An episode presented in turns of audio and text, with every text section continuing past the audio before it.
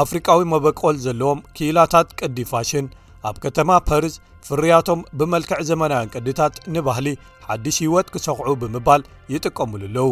እዞም ፍርያታት ነቶም ምስ ኣህጉር ስሮም ወይ መበቆሎም ዝተኣሳሰር ውርሻታቶም ኮሪዖም ከብዕልዎምን ነቶም ካልኦት ከኣ ምስዞም ቅድታት ክላለዩን እዚ ምርኢት ፋሽን ዕድል ፈጢሩሎም ኣሎ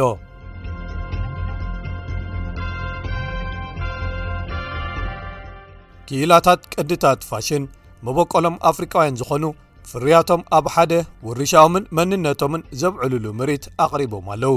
እቲ ኣፍሪቃዊ ምርኢት ፋሽን ወይ ዚ ኣፍሪካን ፋሽን ሾው ኣብ ከተማ ፐርዝ ብመንገዲ ንዓይኒ ሰሓቢ ዝኾኑ ዘንፀባርቑ ሕብርታትን ዝተረቐቑ ቅድታትን ባህልታቶም ዘኽብሩሎም ሓደስቲ ቅድታት ዘርኣይሉ ነይሩ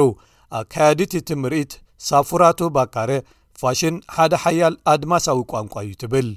ኣፍሪካ ኮሎር ኢዝ ቦልድ ኢዝ ቢዩቲፉል ኢዝ ዩኒክ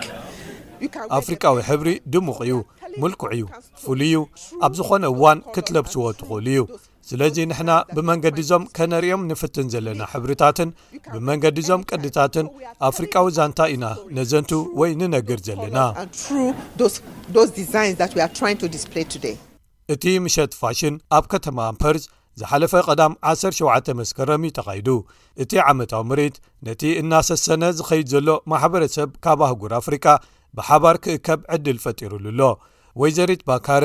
እዚ ምርኢት ብዛዕባ ንሓደስቲ ወለዶታት ክርእይዎ ብምግባር ባህሊ ንኸይርሳዕ ንምርግጋጽ ዝግበር እዩ ትብል። ደቅና መንነቶም ከጥፍኡ ምርኣይ ልበይ እዩ ዝሰብረኒ። እዚ እዩ እቲ ዕላማ ናይዚ ውራይ ባህልና ምሳና ሒዝናዮ ከነጓዓዝ ንምርግጋጽ። ንኡጋንዳዊት ሞዴል ሞሊ ናዱንጋ ኣብቲ ምርኢት ምስታፍ ሓደ ምንጪ ሓይልን ኩርዓትን እዩ። እዚ መደብ ባዕሉ ንብዙሓት ሰባት መደንፍዒ ርእሰ ተኣማንነቶም እዩ ምኽንያቱ ንሕና እቲ ሓንቲ ሞዴል እንታይ ክትመስል ኣለዋ ወይ ከዓ እንታይ እያ ዝብል ኣተሓሳስባ ኣቐዲምና ስለ ዝለመድናዮ እዩ ንሳ ነዞም ቅድታት ዘመናዊ ምግባሮም ባህላውያን ኣልባሳት ኣፍሪካውያን ድሑራት ኮይኖም ዝረኣዩሉ ኣተሓሳስባ ክቕየር ሓጊዙ እዩ ትብል። ምስ ዘመናዊ ዓይነት ኣልባሳትን ቅድታትን ስለ ዝዓበኹዮ ይመስለኒ ካብ ኩሉ ሚዛን ዘለውዎ ምዃኑ ንዓይ መን ምዃነይ ዝገልጸንን መንነተይ ዘካትትን እዩ። ናይጀርያዊት ራዮ ኣደባዮ ኣብቲ ምርኢት ቅዲ ተውጽእያ። ንሳ ኣብ ስራሓታ ኣፍሪቃዊን ኣውስትራልያዊን ዓለባታት ይሐውስ እየ ትብል እዚ ኩሉ ትሰርሖ ኸኣ ጎኒ ጎኒ ናይቲ ምሉእ ስራሓ ዝኾነ ሓኪም ወይ ዶክተር እዩ ኣብ ኣፍሪቃ ሓደ ምልኩዕ ወይ ቁንጂው ዝኾነ ነገር ከም ዘሎ ንዓለም ምፍላጣ ጽቡቕ እዩ ብፍላይ ከኣ ነዚ ምስ ኣውስትራልያዊ ባህሊ ኣወሃሂትካ ማለት እዩ እቶም ኣብቲ ምርኢት ዝቐረቡ ፍርያታትን ቅድታትን ኣብኡ ብዝተሳተፉ ኣባላት ማሕበረሰብ ፅቡቕ ተቐባልነት ረኺቦም ኣለው።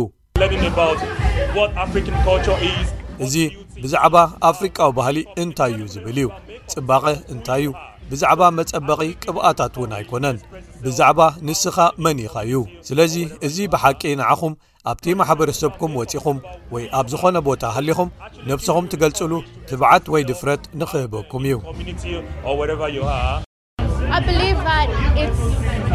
ንዅሉ ሰብ ኣብ ሓደ ንምጥርናፍ እዩ ንዓና ንኣፍሪካውያን እውን ኣብ ውሽጢና ዘሎ ጽባቐ ከርእየና እውን እዩ ከንቲባ ናይቲ ኸባቢ ከተማ ስተርሊንግ ማርክ እርዊን እዞም ቅድታት ነቶም ምስዞም ባህላዊ ልምድታት ውሕድ ሌላ ዘለዎም ክፋለጡ ዕድል ንምሃቦም እውን እዩ ይብል ኣነ ንሕና ኣእዳውና ዘርጊሕና ክንሓቕፎምን ኣፍሪቃዊ ምዃን እንታይ ምዃኑ ከብዕልዎን ክሕጐስሉን ክኽእሉ መታን ኣዝዩ ኣገዳሲ ይመስለኒ ንሕና እውን ካብዚ መታን ክንምሃር